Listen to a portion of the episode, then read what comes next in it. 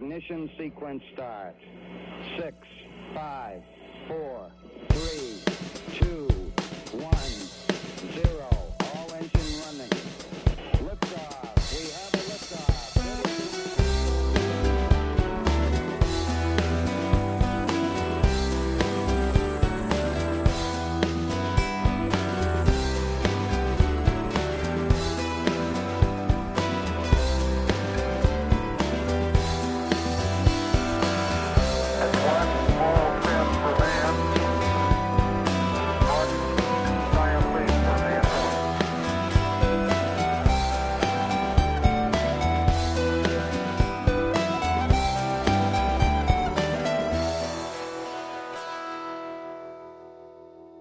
och välkomna! Ni lyssnar på januariavsnittet av Slottspodd som vi sänder ifrån Slottsskogsobservatoriet i Göteborg. Vi som sitter här idag, det är jag, jag heter Emanuel och så har vi Gunnar Hallå, hallå. och vi har Katja. Tjena. Och i det här avsnittet så har vi bland annat rubrikerna Har vi någon nytta av rymdfarten egentligen? Kina på tredje plats i månkapplöpningen. Lera och vattenånga på Europa. Voyager upptäckare på riktigt. Planeten som inte borde finnas och svarta hål i medium size. Välkomna till Slottsport.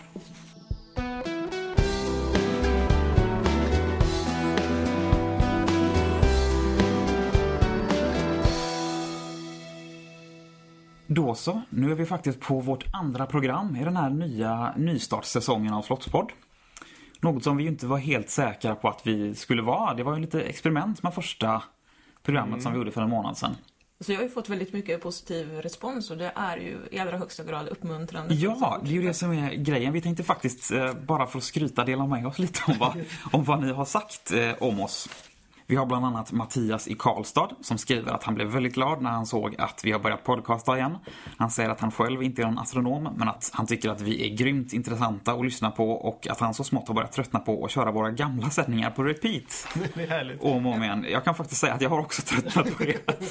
Det är så, ja. Särskilt de där första tre, fyra stycken, de, de, De låter inget vidare alltså. Men Nej. jag måste ändå säga att jag är väldigt fascinerad att det faktiskt finns sådana som tycker om våra program så mycket så att de lyssnar på dem om och om igen. Ja, det jag- var faktiskt värmande. Ja, precis. Det, det trodde jag att eh, jag var nästan ensam om, på att. Eh, vi har även eh, en kille som heter Kristoffer som tycker att det är jättekul att vi fortsätter med poddradion. Och att eh, han skulle vilja höra mer om kometer och asteroidockultationer. Mm. Är det någonting, tror ni, som vi kommer att... Ja, vi får ju anledning att nämna kometer äh, längre fram äh, i år med tanke på äh, den här som kommer att äh, passera väldigt nära Mars till exempel samt Den, ja. äh, kometlandningen. Rosetta-sonden, ja. Precis. Precis. Vi kommer kanske snacka lite kometer idag eventuellt. Mm, just det, Ja. precis. En liten Ja, flashback till... precis. Det är väl svårt att inte nämna våran Ison Ison-komet som precis har Jag, jag tog ju inte med den i förra numrets eh, kalender för jag tänkte att det, vi vet ju inte hur det kommer gå så det är ju ingen idé att liksom eh, säga så mycket om den. Och det var väl bra. Ja, nu vet vi. Det var nog rätt bra i, i så här när vi har facit i hand så att säga. Men vi ska snacka lite grann om det. Vi har även Thomas som eh, tycker att det är riktigt kul att få höra ett nytt avsnitt.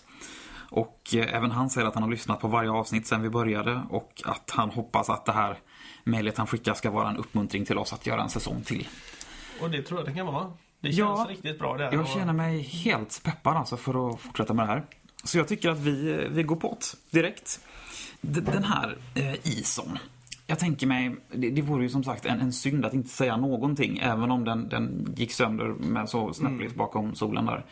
Är det någon av er som vill säga några ord bara för att förklara Ja. vad det rör sig om? Jag kan ju säga lite positivt om den i alla fall. För att även om den nu inte blev något att se för oss så tror jag just att den föll sönder på det här viset var nog det bästa som kunde hända forskarna som observerade den på radiovågor och så här. För att då löste sig även stoftet upp ordentligt. Det blev ett ordentligt gasmoln som kunde inspektera med radioteleskop. Man fick titta på all den här blåsyran och allt vad det var. Ja, det fanns massa spännande saker i den och eh, det jag misstänker att de får data så de kan jobba med det i en 4-5 år framåt. Men, eh, men jag tror att, det, att den löstes upp gjorde att de fick mer data att observera eh, även om vi fick mindre kul att se på himlen. Om den hade så att säga smält som en komet brukar göra lite grann sådär när den kommer förbi. Hade man inte fått se allting som man nu fick se allting på en gång Ja, av. vi hade fått se, men forskarna hade inte fått se på samma sätt. Nej, just det. Jag vill passa på att komplettera lite grann med eh, någonting som hände i eh, USA, Arizona, den 12 december. Det var nämligen en, en eh, meteorit som exploderade i atmosfären ovanför, gav upphov till intensiva ljussken och en hög knall. Men ställde inte till med någon skada till skillnad från den här Chelyabinsk-meteoriten i Ryssland från februari. Det dröjde inte särskilt länge förrän folk började spekulera huruvida det kunde vara resten av ison som kom ah. neddimpande. Ja. Så är givetvis inte fallet för att eh, jorden kommer inte befinna sig på aktuellt ställe förrän någon gång i, längre fram i januari. Så Det är lite tidigt. Ja. Det var- fick bli en rejäl smäll om de skulle hinna ända hit i så fall, de bitarna som... Oh, definitivt. Eh, däremot så spekulerades det även om huruvida det här kunde vara en eh, av geminiderna. Det var dock inte heller fallet Nähä. för att gemini, eh, geminiderna färdas i ungefär eh, 78 000 kilometer i sekunden. Och eh, den här hade en betydligt lägre, lägre hastighet på 45 000 kilometer i sekunden och kom från en annan riktning. Så det här eh, var något annat bös på vägen helt enkelt. Det är mycket som är ute och flyger nu helt enkelt. Oh, ja. Egentligen så tror jag som så här att det är inte jättemycket ute och flyger. Det är bara det att vi har blivit så observanta sen den här Chelyabinsk. Så alla Ja, tittar det på klart. allting som blixtrar och låter på himlen. Det är ju jättespännande. Så att jag tror man får mera bort det nu. Det, det pu- puffas upp lite mer i media. Ja, I synnerhet om det finns bildbevis. Det var någon kille som eh, hade turen att eh, ha, ha sin mobilkamera tillgänglig så att han tog tillfället i akt och filmade det här. Det lustiga var att eh, den som först hörde smällen, det var en astronom som satt inne och åt middag med sin familj när det hände, men han brydde sig inte om att gå ut och titta. Och det kan vara en väldigt god middag. Ja, det kanske det var. Apropå det här med puffa upp i, i, i media och sådär. Jag, jag tänkte på det, för två år sedan ungefär så, så pratade vi väldigt mycket om exoplaneter och vi gjorde en gissning då om ungefär hur Oh, usch, ja. Ja, ungefär. Hur många tror vi nästa gång vi gör det här programmet att hur många exoplaneter tror vi att man kommer att ha hittat? Och det var ju väldigt mycket snack då. Åh, man hittar nya. Det är liksom hundratals nya som kommer hela tiden och, och sådär. Så att jag vet inte om jag vågar berätta. Kan vi kanske skjuta upp allting till nästa år? Så att vi presenterar vad vi gissade på då. nej, nej, nu får vi, nu får vi, nu kan vi inte skjuta upp det här längre. Vi får krypa till korset, precis. Eh, och jag får väl krypa till mitt eget kors och säga att min gissning var 18 000 exoplaneter vid det här läget. Och eh, din Katja? 16 000. Yes, yes, yes, jag vann. Jag, jag gissade 10... Du, ja, 12 försök 000. inte. 12 000. gissar jag. Och Ja. eh, häromdagen när vi kollade, är, som det är nu så är det i mitten av december och häromdagen när vi kollade så var det 1051 eller något sånt där. Va? Ja, det är nästan 1000% fel, men alltså det är väl inte så farligt. Det kan man väl leva med. Ja, Men om, vi betänker, det att det sannolikast finns mer än både 12 000 och 18 000 exoplaneter där ute. Så är det egentligen bara- vi närmare. Ja, det är en Ja. fråga om tid innan de hittar fler. Ja, det är sant. men vad är det som har gjort då att vi, vi trodde att vi skulle, jag tror, jag tror att det var fler än vi som trodde att man skulle hitta betydligt fler, betydligt snabbare. Vad är det som har Det gjort kan ha att... varit på grund av att det alltihopa hände i en accelererande takt. Och eh, då är det väldigt enkelt att förutsätta att den här takten, hastigheten kommer att vara beständig det och eh, kanske till och med öka. Ungefär likadant som med universums expansion. Men ehm, ja, så var ju inte det fallet. Eh, De, var ju, de har ju fortfarande en hel del planeter som måste verifieras på listan. Mm. Så det finns en hel del fler så att Kandidater. säga halvupptäckta eh, kandidater som man kallar dem då. Ja. Så att eh, som kan bli till riktiga planeter om fler forskare kan tolka data på samma sätt och tro att det stämmer det som de första beräkningarna säger. Det var väl till och med någon, någon tjej på rymdgymnasiet i Kiruna som hade hittat någon... Ja, precis. Jag hörde om det. Det var någon som fick pris ifrån svensk, var det Svenska Amatörastronomiska Sällskapet. Eh, ja, ja, SAF. Ja, precis. ja, jo, men det läste jag någonting eh, om faktiskt. Jo, det är så det stämmer. Vi får väl se om vi kan ly- lyckas få med henne på programmet på något sätt. Se en liten det vore, det vore, väl kul, jättekul. Ja. Vi får ta det som ett projekt inför våren. Här Absolut. och så, Då, då har jag en fråga jag ska ställa till henne. Nämligen att, eh, I så fall hoppas jag att hon får tillfälle att namnge den här planeten. För så tråkiga namn som nyupptäckta planeter får nu för Ja, tiden. det är sant. Det är sant. det är en liten skandal kan jag tycka. Vad säger ni? Ska vi gå på våra, våra rubriker? det gör vi.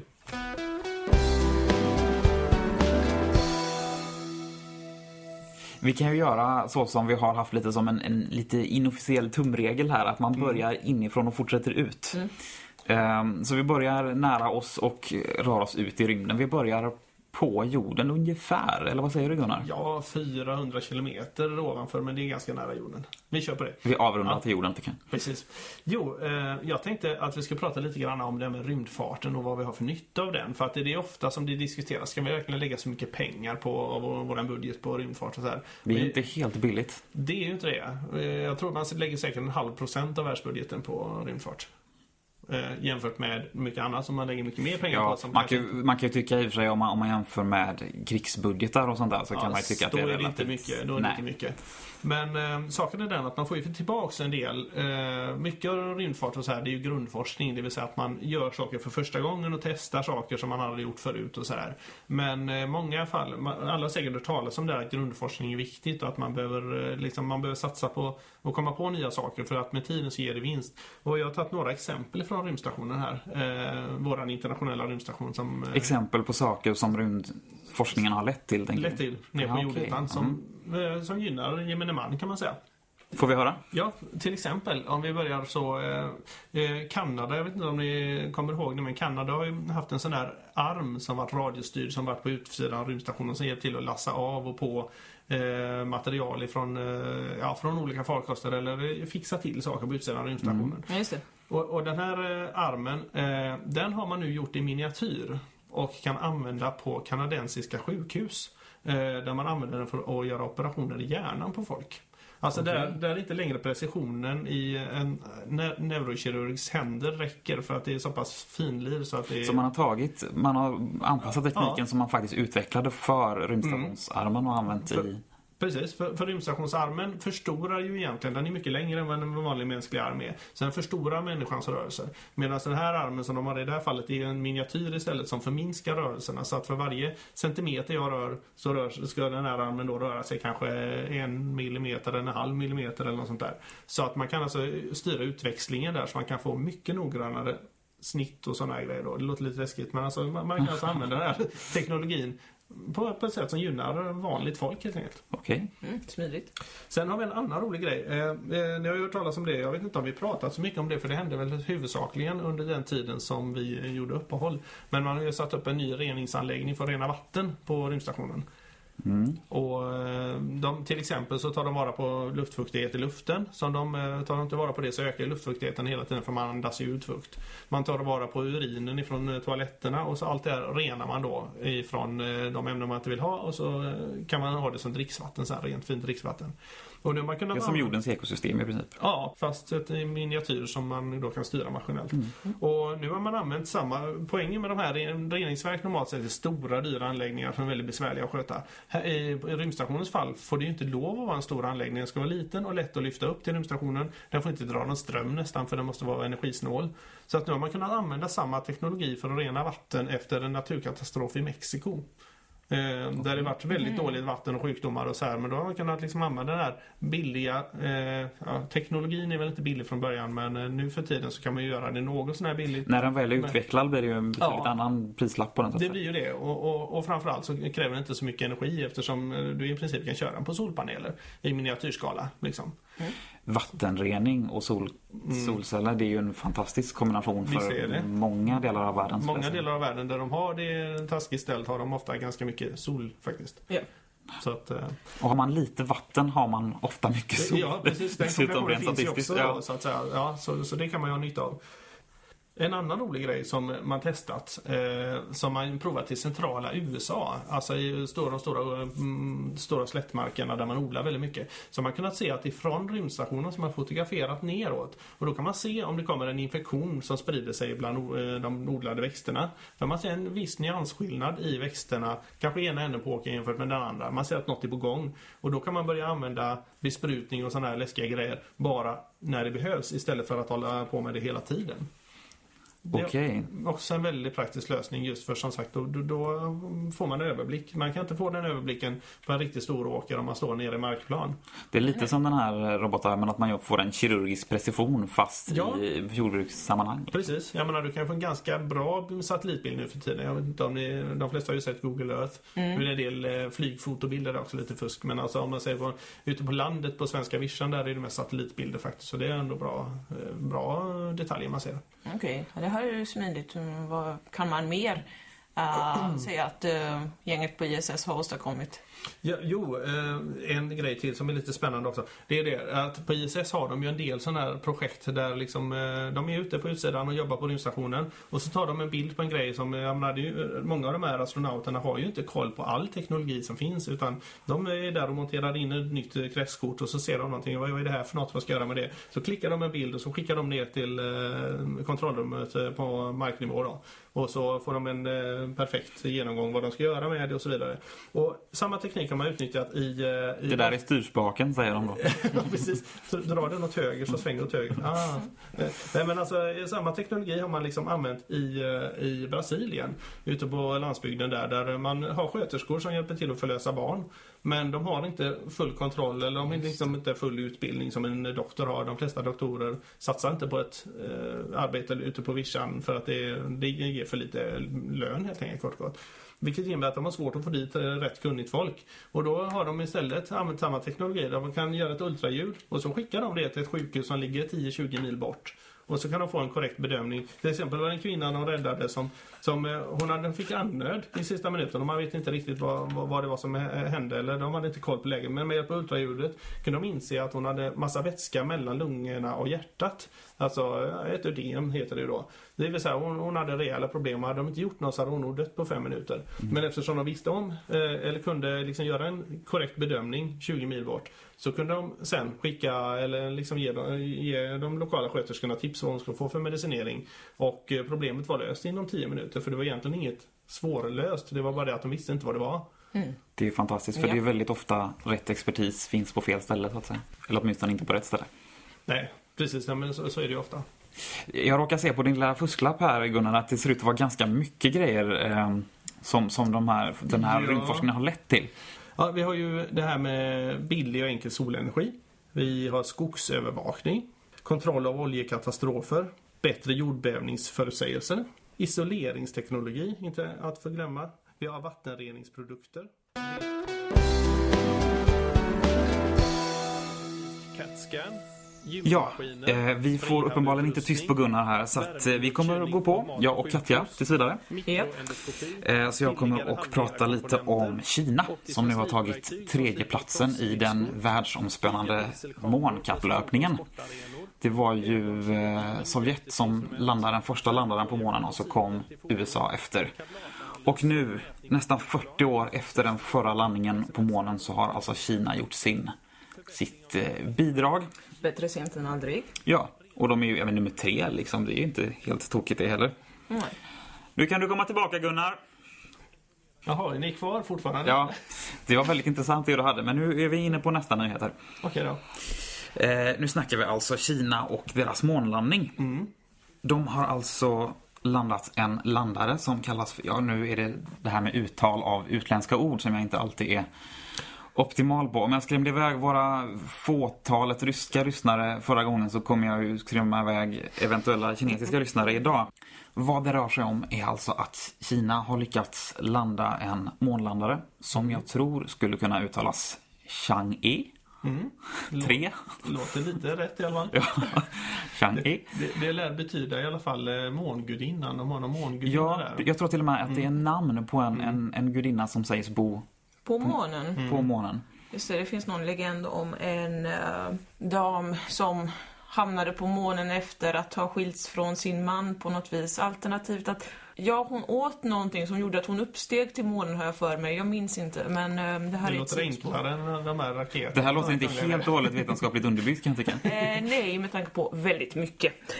Hur Eh, som helst, enligt, enligt den här legenden så hade hon en, en, en kanin som följde efter henne vart hon än gick, den här gudinnan. Som hette Yoto? Jota? Ja, det låter ett bra namn på en kanin. Jo. Yoto, tror jag. Yoto. Det lät som det här popbandet U2, jag vill inte säga det, men uh. Och det betyder jadekaninen. Och det är också namnet på den eh, månrover, den här månbilen som faktiskt har följt med den här landaren. Som nu har lämnat landaren och är ute och kör sina första små varv runt landaren på månen. Resan dit. Det tog fem dagar för eh, farkosten att ta sig från jorden in i omloppsbanan kring månen. Sen har, den, sen har den varit där och gjort några svängar runt i ungefär en vecka. Där den har letat efter en bra landningsplats och gjort en del observationer ifrån omloppsbanan och så vidare innan den slog ner. Hör det inte till vanligheten att man planerar landningsplatsen innan man faktiskt far upp med någonting? Jo, eh, de har säkert gjort det. Men jag tänker mig att när man ändå är och snurrar lite runt månen kanske man passar på att- att studera den lite ifrån den höjden. Ja, jag vet faktiskt inte. Vi får fråga kineserna. Eh, Hur som helst så har de landat på en plats som heter Sinus Iridium. Och det är någonting som jag tror man på svenska brukar kalla för regnbågshavet eller regnbågsviken. Det känner jag igen. Det låter som att de skulle kunna ha någon Pride-parad där, men det tror jag inte de har haft än. Inte än. Eh, Och vad jag vet så har ingen landat där tidigare. Jag tror att, att ryssarna gjorde ett försök att landa där.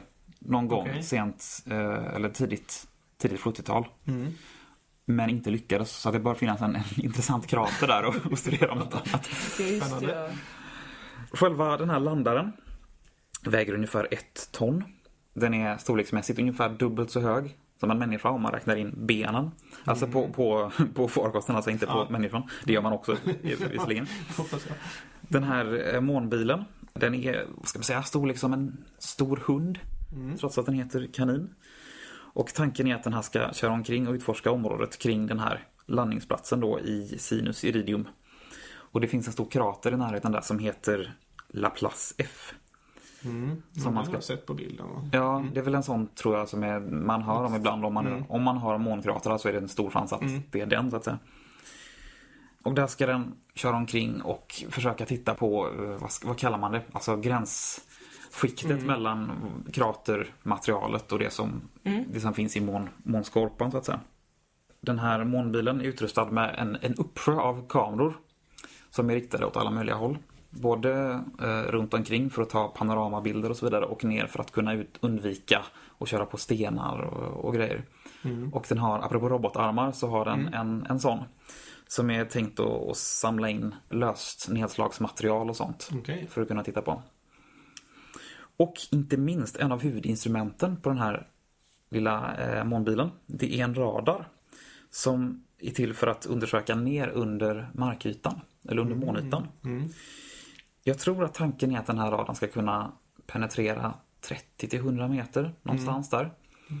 För att göra en, en, en geologisk skanning av hur... hur um, vad, vad, det finns ett bra namn. Vad heter månytan? Alltså, Regolit kanske? Regolit, precis. Nere i regoliten. Det är ett sånt vackert namn så jag inte kommer ihåg det. Bra vi har dig Gunnar. På själva landaren så finns det också en del instrument. Och de är framförallt tänkta att titta uppåt och observera jorden och andra himlakroppar. Det är ju ett ganska bra eh, utgångsläge att observera ifrån månen för att man har en väldigt, väldigt, väldigt tunn atmosfär. Ja, är men knappt. vad vill de observera då ungefär som inte de stora rymdteleskopen kan observera? Du ställer så svåra frågor Katja. Jag vet är väl- faktiskt inte det. Hemligheten är väl att de vill göra det själva. Ja, De, de sannolikt. går, kör ju sitt eget race lite grann, så det skulle inte förvåna mig att det är det. Att de vill kolla själva på grejer som... eh, de- Och det vill ju vi med å andra sidan. Ja, så att det, det förstår jag mycket väl att man vill. Och jag menar, har man en, en, har man en grej som står på månen så... Så varför inte skicka med ett teleskop? Ja, precis. Det, det hade jag definitivt gjort också om jag hade haft en grej på månen. Ja, det är väl lite mer ekonomiskt fördelaktigt eh, om man jämför med, eh, med att skicka upp en eh, månsond och ett rymdteleskop. Så där eh, de kanske fick eh, ett specialerbjudande där. Ja, Ja, det kan ett. Ja, Precis. mycket möjligt. En av de största knepigheterna med det här, den här expeditionen då, en av de största utmaningarna är hur den här utrustningen ska klara de kalla molnnätterna. Mhm. Ja, det blir rätt kallt på månen i och med att det är faktiskt eh, natt i 14 dagar. Precis, det blir ju inte bara kalla utan det blir väldigt långa månader så att det är ju väldigt långa perioder utan någon som helst Mm. Energiinstrålning alls förutom då stjärnljuset. Som inte är så mycket att komma med i, i jämförelse med solljuset. Å andra sidan är det 14 eh, dygns dag, så den hinner väl samla upp eh, någonting. Vad har den för energikälla? Är det så? Den har solceller. Ja, okej, då borde den åtminstone ha en viss eh, lagringskapacitet. Det har den säkert, men det är mest hur själva elektroniken och mekaniken kommer att klara de låga temperaturerna. Förvisso. Mm. Månnätterna kommer väl ner, tror jag, i ungefär minus 170 grader. Genomsnitt. Jag har för mig att, att ehm, vi hade uppe någon gång för jättelänge sedan. Så tror jag, du Katja pratade om att man hade hittat den hittills kallaste punkten som man någonsin har uppmätt på månen. Temperaturen uppmättes till eh, minus 263 grader men det här är djupt nere i en krater som aldrig Okej. nås av solens ljus överhuvudtaget. Ah. Och jag förstår inte riktigt vad den här eh, kinesiska lilla sonden skulle ner i kratern och göra. Nej. Nej, vi hoppas vi att den har vett nog att, att hålla sig därifrån. Ja. Det är nästan som man inte kan uppmäta en sån låg temperatur. Man får nästan nermäta den istället. Hur som helst så kommer den här eh, månbilen att vara i en slags dvala under de här långa månnätterna. Den kommer att fälla ihop sina solceller och kura ihop i en liten hög och förhoppningsvis vakna igen då 14 dagar senare. Och man tror att den kommer att klara tre av de här månnätterna. Jaha, inte mer. Jag tror faktiskt inte att, man, att de räknar med det. Jag vet inte om man kan dra någon parallell till kinesisk elektronik, hur länge den håller eller så. Men, men det är förmodligen inte riktigt samma. Nej, men å andra sidan, ja, de är, de är ganska duktiga när de vill. Det är ju så. Det är ju så. Så att... Eh, sen, sen- kanske de hade eh, beräknat att under eh, innan det ska de ha samlat ihop och tagit reda på allting som de behöver. Det kan också vara så att en del saker förmodligen kommer att klara sig längre. Men att de, de mest känsliga instrumenten, de som är mest, ger mest att använda, är också de som är mest utsatt, mest... eh, kan vara så. Sen kan det ju vara som någon av de här amerikanska marsbilarna som var ju satta för att klara ett halvår och som höll i, var det åtta år eller så här. Så, så man vet ju Ja, inte heller. precis. De, de kanske har en sån där förhoppning men man säger ju, man, man erbjuder ju inte mer till investerarna för Nej. säkerhets skull liksom. Sådär. Det kanske är en sån här garantigrej också. Ja, liksom. Ungefär som man läser på mjölkpaketet, alltså bäst före. och så står det och så klarar den sig två veckor till om man inte öppnar den och sådär liksom. Ja, precis. Så, men sen, poängen är ju att de ska öppna bilen och köra iväg med den. Ja, ja. det är väl så. Hoppas den håller längre än mjölken i alla fall.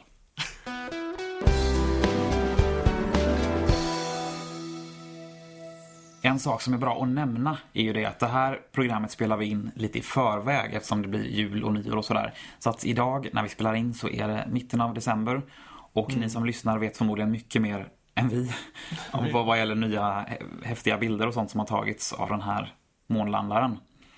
Men i väntan på det så, så ska du Katja snacka lite om andra månar.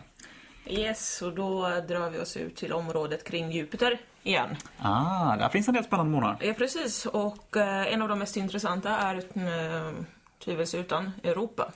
Och, eh, det är väldigt länge som eh, forskare, amatörer har utsett den här till den himlakropp i solsystemet, frånsett jorden, som har högst potential att eh, hysa någon form av liv, även om det endast rör sig om väldigt primitivt liv. Det är jättespännande. Ja. Jag undrar om det inte var så att eh, Europa utnämndes till eh, solsystemets mest intressanta måne i populär astronomi. Det var ju vi som skrev det. Ja, det kan visserligen ha varit vi som skrev den artikeln, men... Eh, jag, jag minns inte vilken vi rankade som etta faktiskt, men det var eh, antingen Europa eller Titan. Mm, jag råkar komma ihåg att det var Europa som var på första plats och Titan på andra plats. Ja, så är det. För att eh, motivera varför forskare med flera tror att Europa kan ha, eller hysa potential till att eh, eh, ha primitivt liv, så kan jag berätta lite om dess egenskaper. Vi talar om en väldigt eh, frusen värld. Europa är täckt av en isskorpa som kan vara upp till 4 kilometer tjock. Och där under tror man att eh, det kan finnas hav eh, av vatten precis som här på jorden. Och, Den uppfattningen är ganska etablerad så man kan ju faktiskt säga nu för tiden att där finns hav. Och eh, Och det beror väl på att, att den ligger så nära Jupiter som har en sånt starkt magnetfält så att... eh, gravitationen eh, drar ju och sliter i Europa hela tiden så det här gör ju att haven dessutom kan vara varma. Det har ju, det har ju konstaterats att eh, Saturnus motsvarighet till Europa, Enceladus, också en istäckt liten sak, har heta sjöar och hav under den här isen som, som täcker månen. Det har man kommit fram till alltså. Ja, precis. Är det Cassini som har avslöjat det? Om jag inte minns fel så är det det. Ja. Och eh, där har man även eh, kunnat konstatera att den får eh, utbrott. Vi skulle kunna eh, jämföra den inte med ilskeutbrott, inte den Jag tänkte du skulle säga, jämföra med Kalanka tror du skulle säga. Eh, nej, eh, utan utbrott av eh, vattenånga helt enkelt som sprutar ut genom isen eh, från sprickor. Och nu har man uppmätt eh, och konstaterat att detsamma förekommer på Europa. Och det är första gången. Eh, Det är inte en helt ny upptäckt i och med att det här registrerades av Hubble, av alla saker, för eh, ungefär ett år sedan. Men det har tillkännagivits först i dagarna här nu. Okej, de har hållit på det alltså. Jo, av någon anledning, även om den är okänd, så har de gjort det. Men nu är alltihopa offentligt i alla fall. Och det är inte riktigt än bekräftat huruvida eh, vattenångeutsläppet kommer från de faktiska haven under eh, Europas tjocka isskorpa eller om det här kommer från ansamlingar av vatten som finns inne i själva isen. För att eh, låt oss säga att det i sanning kom inifrån eh, de djupa haven så talar vi om väldigt stora djupa sprickor i alla fall. Men är det inte så att den här is istäcket behöver inte vara jämntjockt? Nej, det är det ju givetvis inte, men eh, Eh, Om ni undrar vad som låter i bakgrunden så är det ju faktiskt att eh, visningen här uppe på Slottsskogsobservatoriet har startat. Och det, är- och det är jag som ska dit och hålla i den. Ja, precis. Så, så om du undrar varför Katja låter lite Stressad. lite stressad så är det för att hon har en visning om två minuter här. Vi trodde inte det skulle komma så mycket folk idag för att det är världens sämsta väder. blåsigt och regnigt och bedrövligt. Men folk vill tydligen komma hit ändå. Och det är ju trevligt. Uh, Nå, du sa någonting om Europa här. Eh, Jag sa det där om... Isen är ju inte jämntjock. Nej, precis. Eh, nej, det är det ju förvisso inte. För att även om man lik, ofta liknar Europa vid någonting som är slätt som en biljardboll så är det givetvis inte så. Utan det har ju, Det är lite mer Den- golfboll. Liksom. ja, golfboll som någon har skurit lite i kanske. Men, eh, I alla fall, så man kan ju ändå förutsätta att isen på de flesta ställena är väldigt tjock. Oavsett huruvida det är djupa sprickor eller inte så djupa sprickor så släpps eh, vattenångorna endast ut när eh, Europa befinner sig som längst bort från Jupiter. För att då får den andas ut så att säga. När den kommer närmare Jupiter, igen så gör eh, jätteplanetens gravitation att den kläms ihop så sprickorna tätas, säger man. Och eh, då släpps det inte ut någonting. Eh, hur som helst så är det här ju ett alldeles ypperligt eh, tillfälle att eh, åka ut med någonting. Om eh, företrädesvis NASA kanske vill skicka iväg något. Att samla upp prover av den här vattenångan och analysera den så att man faktiskt kan eh, ta reda på sammansättningen av materialet som finns där nere. För att eh, i nuläget så eh, är det ju inte så stor idé att göra det. Om vi skickar iväg en sån härifrån så får ju den ett stort an, eh, arbete med att försöka borra sig ner flera kilometer genom tjock is. Och är den dessutom, det här har vi talat om eh, många gånger förr tror jag, är den inte helt steril och där finns någon form av primitivt liv så kommer eh, den sannolikt, eh, bakterierna eh, från eh, jorden kommer antagligen att kunna ställa till det i ett helt ekosystem som finns. Mm, Man kontaminerar ju en, en Mm. En hel värld. ja, Ja, precis, precis. med någonting som är helt främmande. Ja, och någonting som inte nödvändigtvis är bra. Nej, precis. En förkylningsbakterie. uh, nåväl, eh, allt det här har befäst Europas första plats eh, över en tidigare nämnda lista av eh, objekt i solsystemet som kan hysa någon form av liv. Uh, Enceladus och Mars får eh, nöja sig med andra och tredje plats i fortsättningen också. Titan kan man klämma in där någonstans, också. Men det finns ytterligare en grej som gör att Europa helt plötsligt har blivit en högintressant kandidat igen. Det är för första gången någonsin som man har, under den tiden man har observerat eh, Europa, man upptäckt lera på ytan. Oj. Det är lera, På, på isytan? Jajamensan. Lera i sig är kanske inte särskilt spännande utan mest kladdigt och äckligt men... Eh, Ja, ja, det är ju sällan man blir sådär upphetsad av lera, men det här måste jag erkänna att det blev jag lite nu. Ja, precis. Eh, till att börja med kan vi nämna att den eh, har sannolikast kommit dit eh, genom kollision med en komet, eller ännu mer sannolikt asteroid.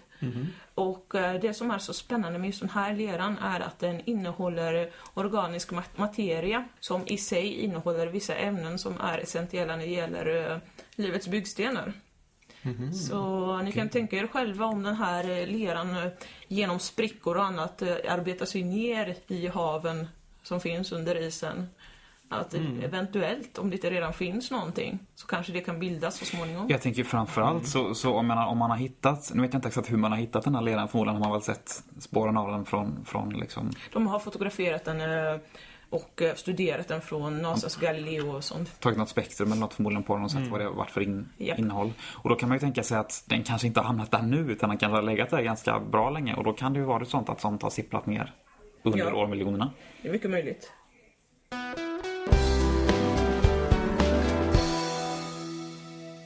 Då ska vi röra oss ännu längre ut än Jupiters månar. Vi ska snacka om någonting som faktiskt har varit och sniffat på Jupiters månar men lämnat dem för att ta sig längre ut i solsystemet och till och med lämna solsystemet. Jag snackar om Voyager-sonderna. Voyager 1 och 2. Man, man har ju sagt nu ett tag att jo men nu har den första Voyager-sonden faktiskt tagit sig ut över gränsen till solsystemet och ut i den interstellära rymden. Och det har varit lite sådär, man har sagt lite fram och tillbaka att jo men det har den eller nej den har kanske inte det riktigt eller det beror lite på hur man Man har väl sagt det i 5-6 år nu. Ja, ungefär. Ja, vad, vad, vad, man har, vad jag såg nu från NASA var att nu- är man överens om att första sonden är Okej. ute. Lite beroende på vad man har för definition av, av, av, av Vad som är ute. Ja, precis. Vad man säger, heliopausen kallas det då, alltså innanför heliosfären som man kan kalla för solens enorma sfär då, som går runt solen.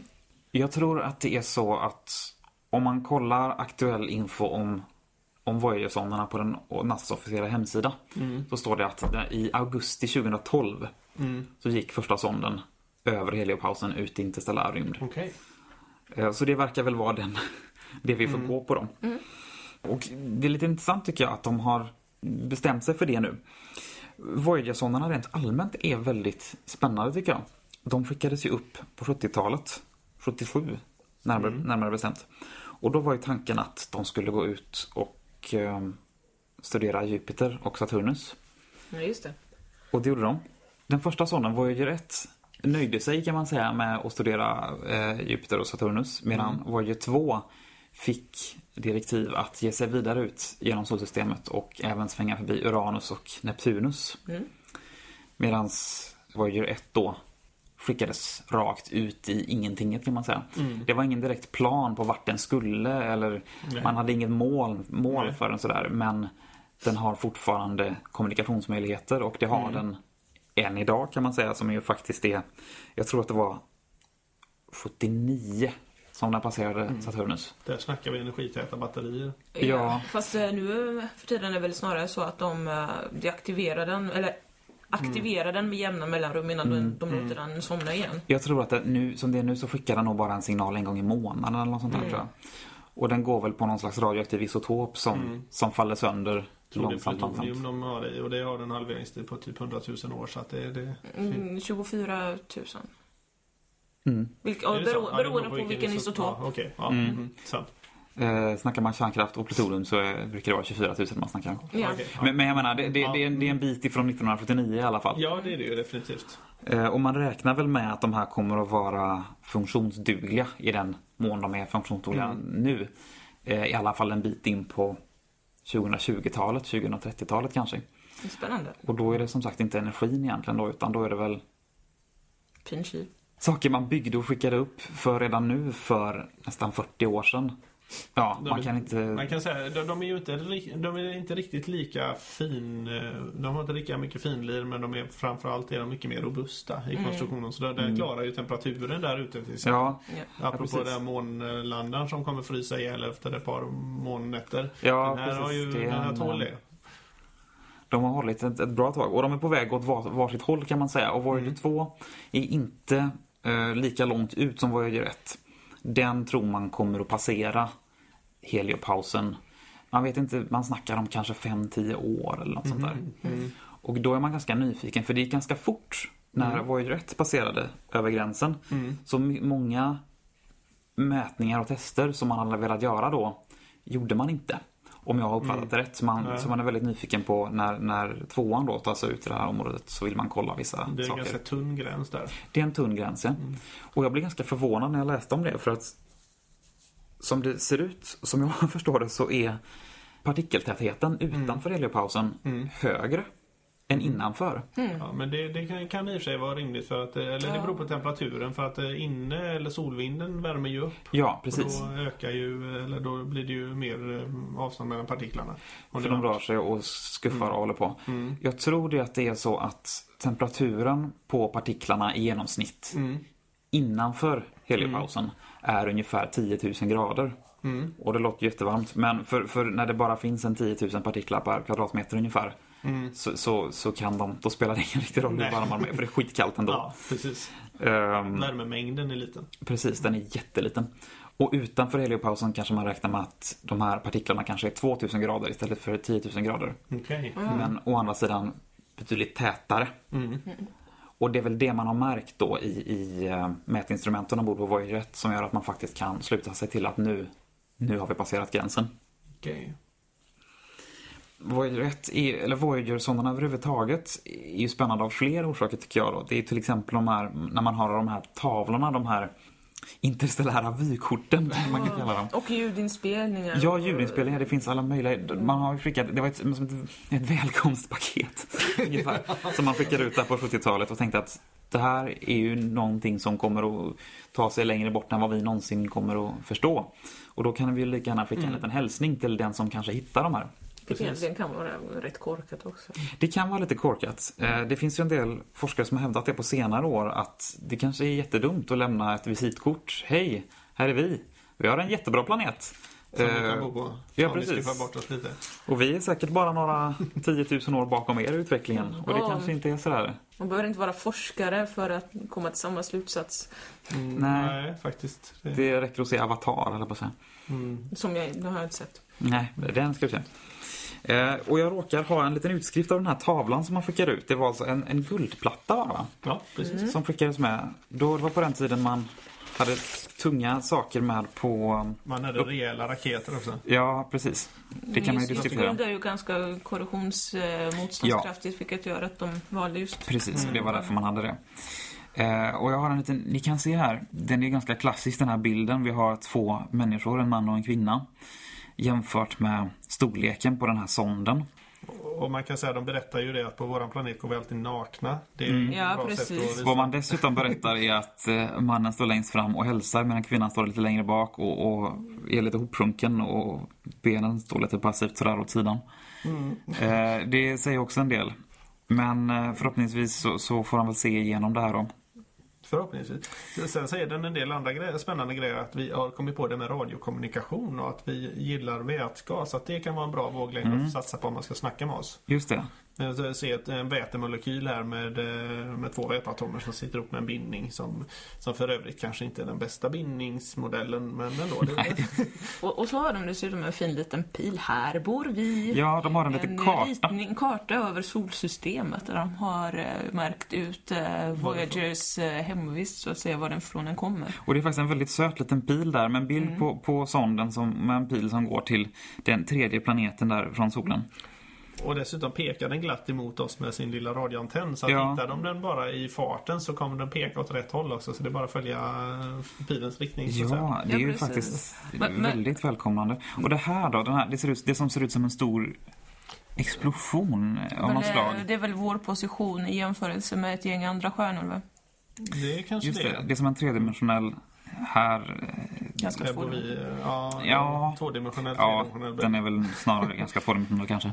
Men den anger på något sätt våran position, solens position. Mm. Vi kan ju faktiskt lägga upp en bild på eh, Slottsskogsobservatoriets hemsida Det kan där vi så göra. ni kan se den. För att det, det är lite svårt på beskrivningen att se vad vi pratar om. Ja, precis. Ni får titta på bilden det- och lyssna på samtidigt det- så hänger ni med. Det, det är bra radio det här när man liksom beskriver en bild som inte lyssnarna ser. Konstanalys. Ja, eh, och då kan vi också lägga upp en länk till den.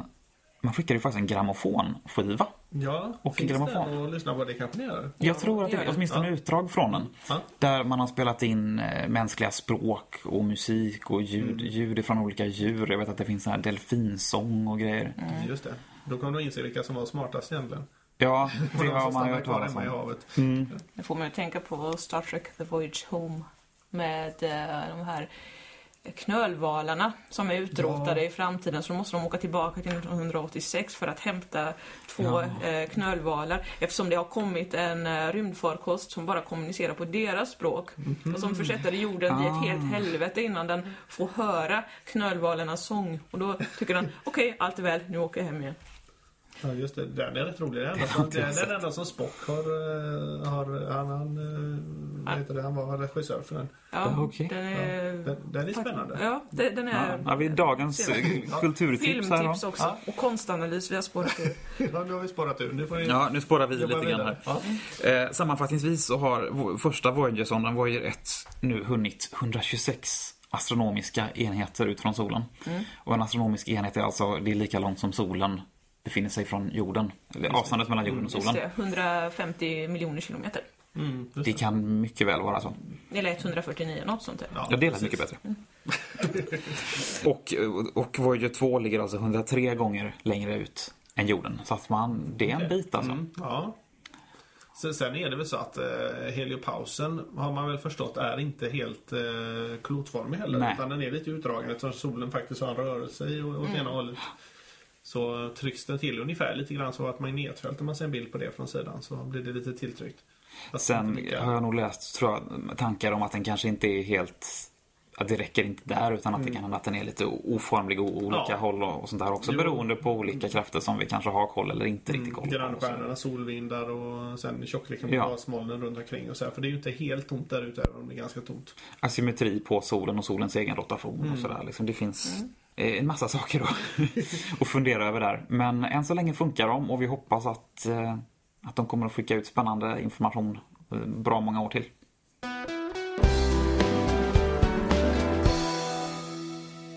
Och när vi då är på väg ut ur solsystemet så ska vi ta upp ett av våra favoritämnen, nämligen exoplaneter, eller hur? Yes. Och då beger vi oss ut ungefär 300 ljusår härifrån och tittar lite närmare på stjärnbilden som, ja, vi kan vi inte göra här uppe i norr, men Södra korset. kan man se om man bor på södra halvklotet. Den har jag sett faktiskt, nere i Kenya. Det var coolt. Åh, det har aldrig jag. Jag avundas dig. Ja. fast jag tyckte den var lite mesig. Jag hade hoppats på lite mer. Det kändes som den skulle vara större. Och Ja. ja. skev. Jag menar vårat kors, eh, svanen, förlåt nu spårar jag ur, men svanen är mycket tydligare kors och mycket... Mm, den ser lite svanig ut också. Jag tyckte ändå att det var tydligt vilket som var större Ja, det Södra var- korset. det var Det är, det är ungefär som, samma reaktioner folk eh, får när de inser vad som är Polstjärnan egentligen. Men är det den? Ja. Han tänker att den ska vara något sånt här... Jo, nåväl. I, eh, någonstans i södra korset finns det en stjärna som är rätt sollik. Den omges av en enda planet som är eh, 11 gånger Jupiters massa. En riktig feting man då. Jajamensan. So far so good. Problemet är att den här eh, planeten, eh, märk väl, noterade storlek här, 11 gånger Jupiter, ligger eh, 650 gånger längre bort än jorden gör från solen. Det här eh, innebär ungefär 97,5 miljarder kilometer från sin stjärna.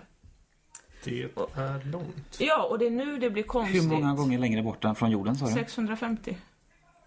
Det är alltså, då snackar vi utanför var Voyager skulle ha kommit. Jajamensan, eh, vi talar om, eh, mäter avståndet från eh, solen till Neptunus.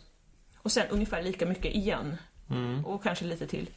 In, eh, Storleksordningen. ja, precis. Så att den ligger dubbelt så långt bort från sin sol som Neptunus Hela vårt solsystem i princip. Varenda Ja. planet. Ja, Det är ju, oj. japp. Och eh, det är den första i sitt slag som man har upptäckt. Eh, och den är väldigt osannolik. För att den borde inte kunna ha bildats där ute. Okej. Ja.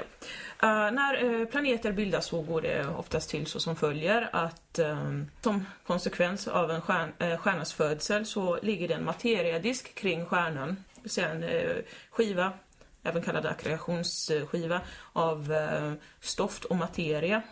Där eh, materian börjar så smått klumpa ihop sig till eh, små planetdecimaler som eh, växer var varv. Så småningom har de samlat på sig tillräckligt mycket materia för att kunna kallas planeter, alltså stora, fina, runda saker. Det här är en process som går väldigt, väldigt långsamt och håller inte med den här jätteplanetens avstånd från sin stjärna. För att ackreationsdisken breder inte ut sig så till den grad egentligen. Det borde inte finnas så mycket klumpar där ute helt enkelt. Eh, nej, precis. Och det är ju trots allt den enda planeten man hittills har upptäckt kring den här stjärnan. Eh, och i och med att det är en sollik stjärna så eh, borde man eh, ha lite lättare för att kunna upptäcka eventuellt andra planeter runt omkring eftersom det inte rör sig om eh, eh, några jättestarkt lysande mm, blå superjättar som eh, stör med strålning och allting annat. Man skulle ju kunna förvisso misstänka att eh, ja, den här planeten har migrerat duktigt. Det vill säga den har bildats nära sin stjärna och sen flyttat ut. Det som går emot det här är att den är bara 13 miljoner år gammal, den här planeten. Ja, Mm, Okej, det är så väldigt måste ha bildats här ute. Precis. Och det, här, ja, det här har ju fått forskarna att börja fundera på andra sätt på vilka planeter kan bildas. Hittills så känner man till två sätt. Och det ena var det jag precis beskrev om materiedisk och så vidare. Och det andra, någonting som är rätt nyupptäckt, är det fria bildandet av eh, gasplaneter ute i rymden. Planeter utan stjärnor. Den här har ju en stjärna, så att det är ju inte en sådan.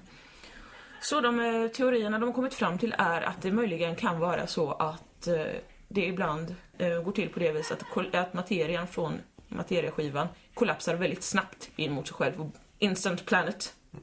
Eh, precis. Eh, och det, det skulle förklara en hel del. Men det återstår att forska vidare i det här och eh, det enda det har givit hittills är någon form av djupare förståelse för eh, mångfalden av planetsystem som kan finnas där ute.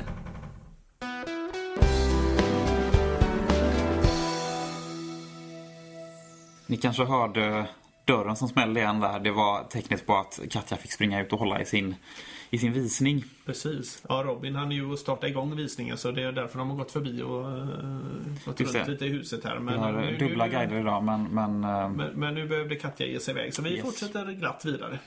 Ja, och då hade du någon, någon rubrik här eh, Gunnar om svarta hål. Ja, vi vet ju alla att det finns jättelika svarta hål. Eller ärligt talat, vi tror att det finns jättelika svarta hål. Det finns väl inga absoluta bevis för svarta hål än. Det, är bara, det finns ingen bättre förklaring. Så att vi tror att det finns jättelika svarta hål i centrum på våra galaxer. Och de kan ha massor på eh, bortåt några miljoner till kanske 10 miljarder solmassor. Alltså gigantiska eh, gravitationsfält helt enkelt. Jag måste bara, du säger jättegigantiska svarta hål. Mm, ja. Eh, Och det är väl ett, ett relativt begrepp för det svarta hålet är väl, det beror väl lite på hur man definierar det. men Man kan väl säga egentligen att det är en punkt i mitten här. Ja, man kan, precis. Man kan ju säga att det svarta hålet i centrum på våran galax eh, väger 4,3 miljoner solmassor. Men eh, själva gränsen för där det svarta hålet påverkar sin omgivning, det man kallar för händelsehorisonten, det är inte eh, mycket större än eh, Merkurius bana runt solen. Liksom. Nej, så, att, så, så själva, själva det som vi skulle se som en svart skugga gentemot bakgrunden, det är en ganska liten fläck egentligen. Men eh, däremot så väger det här eh, svarta hålet då 4,3 miljoner solmassor. Just det. Och, eh, men som sagt, det finns alltid från några miljoner då upp till 10 miljarder solmassor. Det har man ju sett eh, antydan till i vissa riktigt aktiva galaxer som eh, genom kollisioner och på annat sätt lyckas mata upp det här svarta hålet så att det fått i sig väldigt stora mängder gas och stoft och planeter och annat som ramlat in. Det är sådana siffror som man bara, man ja. bara tar in och som... Det som bör du bara acceptera. Ja. Det är- det ingen idé att försöka förstå dem Det är i alla fall jättemycket. Mycket, mycket. Eh, sen finns ju de här minisvarta hålen också. De är också rätt häftiga i och för sig, men alltså som ligger kanske runt 10, 8, 10 solmassor ungefär. Vilket är eh, alltså en storleksordning som, eh, som blir efter en stor stjärna som dör helt enkelt. Det är väl egentligen minimigränsen för hur tung... s- Mm.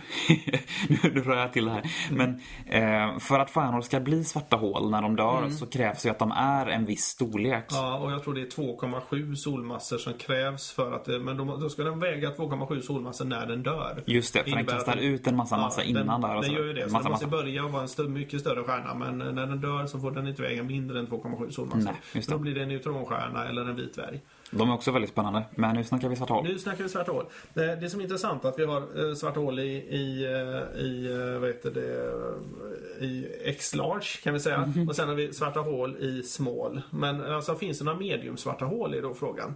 Och eh, nu börjar det finnas eh, antydningar på det. Man har alltså sett eh, aktivitet som motsvarar, man, man tänker att det som händer, det är alltså eh, intensiva röntgenkällor som eh, inte är tillräckligt eh, intensiva för att kunna vara de här gigantiska svarta hålen. Men samtidigt så är de så intensiva så det funkar liksom inte att låta ett, en, en ensam stjärna som dött eh, tillverka så mycket energi. Utan eh, man tror att det skulle kunna finnas eh, svarta hål som är storleksordningen kanske 100 till 1000 solmassor ungefär. I områden som man, man tänker istället att de funkar ungefär som de här i mitten stora galaxer. Fast de är födda i en stjärnhop istället. Alltså en kompakt stjärnhop Ja, så där det inte finns så mycket käk men ändå tillräckligt mycket för att det ska växa på sig lite extra.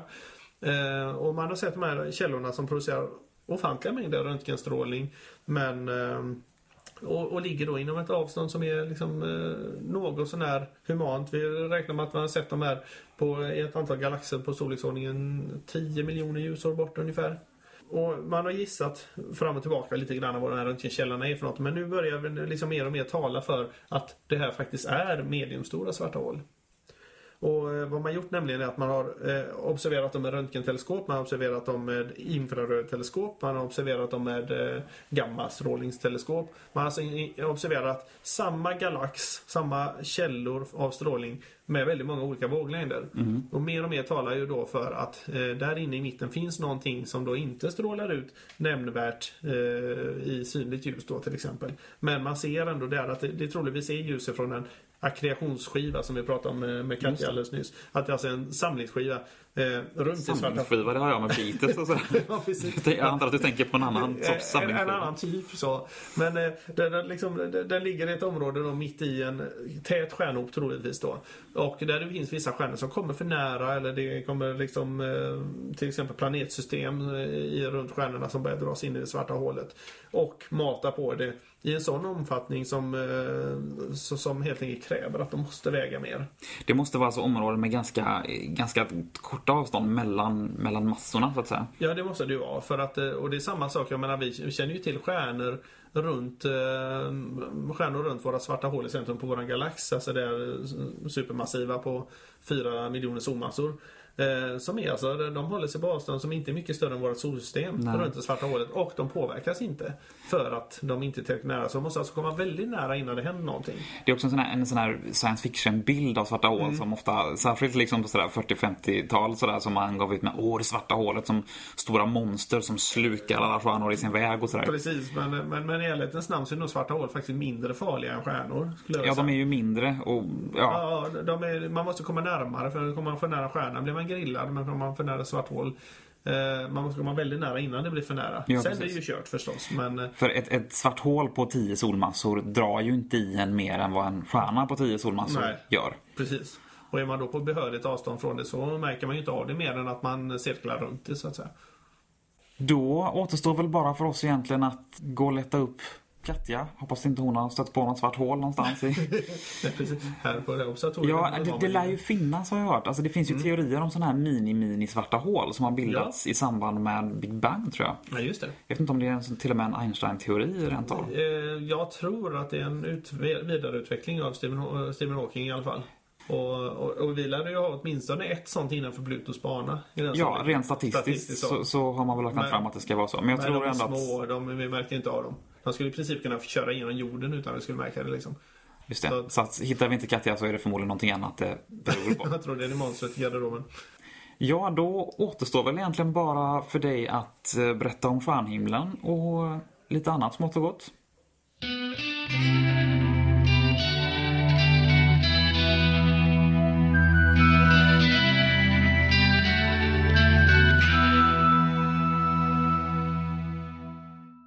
Stjärnhimlen under januari 2014.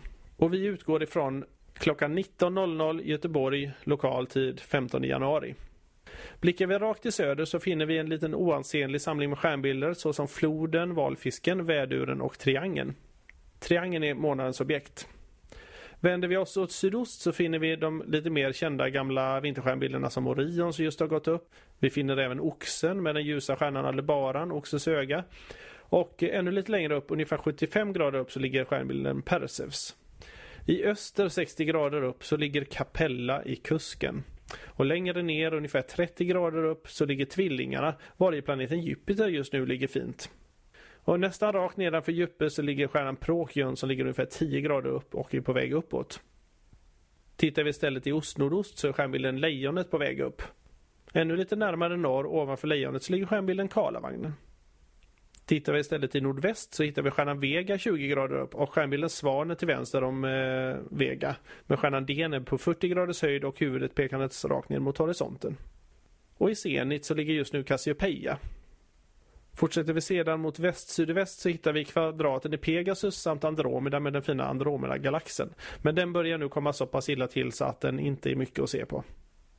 Så till månadsobjekt stjärnbilden Triangeln.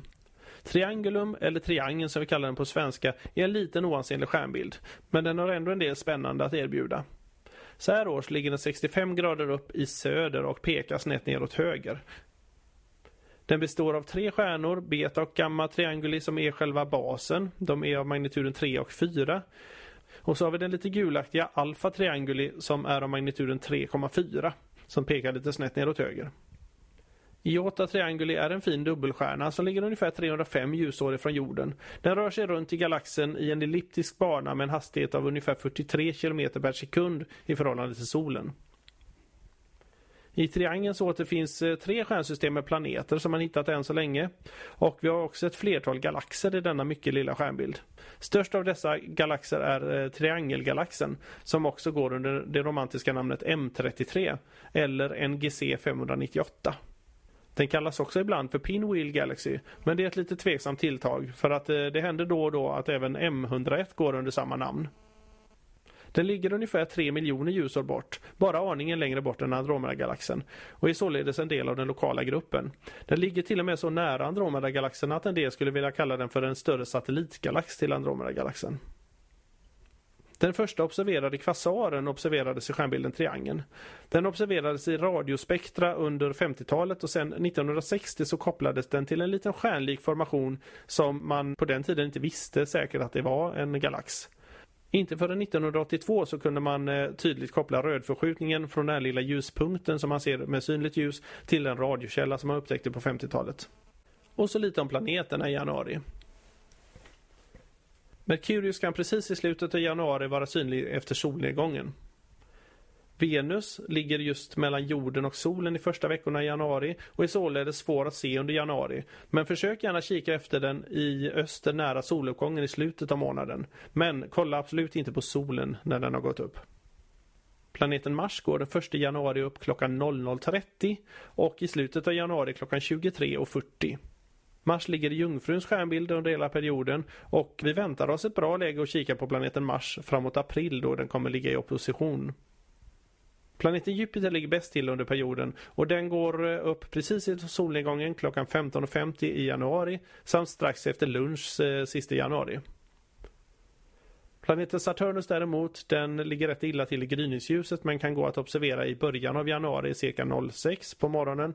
Och bortåt sista januari så går den upp faktiskt redan 02.40 men den går upp i väldigt flack vinkel vilket gör att den egentligen inte syns särskilt bra förrän 04.40 ungefär. Planeten Uranus ligger i söder på 35 graders höjd klockan 18.00 1 januari. I slutet av månaden så ligger den 30 grader upp klockan 18.00. Neptunus däremot står i sydväst 15 grader upp 1 januari och i slutet av perioden så försvinner den ner i skymningsljuset. Och så lite andra händelser den här månaden. 1 januari 2014 så passerar Cassinisonden nära Saturnusmånen Titan. Den 3 januari infaller kvadrantiderna som har maximum. Träffar man precis rätt i tid så kommer man kunna se ungefär 60 meteorer per timme. Den 4 januari så ligger jorden i perihelion, det vill säga som närmast solen med 0,983 astronomiska enheter. Den 5 januari så ligger Jupiter i opposition och är i teorin åtminstone som bäst att observera. Den 20 januari så kommer rymdsonden Rosetta att vakna efter många års vila. Nu återstår bara 2 miljoner kilometer till målet och målet är kometen 67P som heter Churyumov-Gerasimenko. Den 31 januari så ligger Merkurius i största östliga elongation, det vill säga den som längst ifrån solen i östlig riktning. Detta kalendarium publiceras tillsammans med Mariestads astronomiska klubb, Göteborgs astronomiska klubb och Slottsskogsobservatoriet. Och under månaden kommer Mariestads astronomiska klubb att träffas följande dagar. Den 18 januari med midvinterfest för medlemmar. Anmälan sker till Sören eller Werner. Den 3 februari så kommer ett föredrag av astrokemist Gunnar Sporrong som kommer att prata om rymdfartens historia. Mer information finns på www.makastro.se. Göteborgs astronomiska klubb träffas den 19 januari med ett föredrag av doktorand Sofia Wallström på OSO CTH som föreläser om supernovor och supernovarester. Om massiva stjärnors sista suckar i kosmiskt perspektiv. Föreläsningen sker på Slottsskogsobservatoriet och mer information finns på www.goteborgsastronomiskaklubb.se Slottsskogsobservatoriet har öppet som följer. Stjärnhimmelsvisningarna sker på måndagar och onsdagar klockan 19.00 till 20.00 från och med den 8 januari. Mer information finns på slottsskogsobservatoriet.se. Jag hoppas ni får riktigt klara skyar ifrån oss på Slottspodd.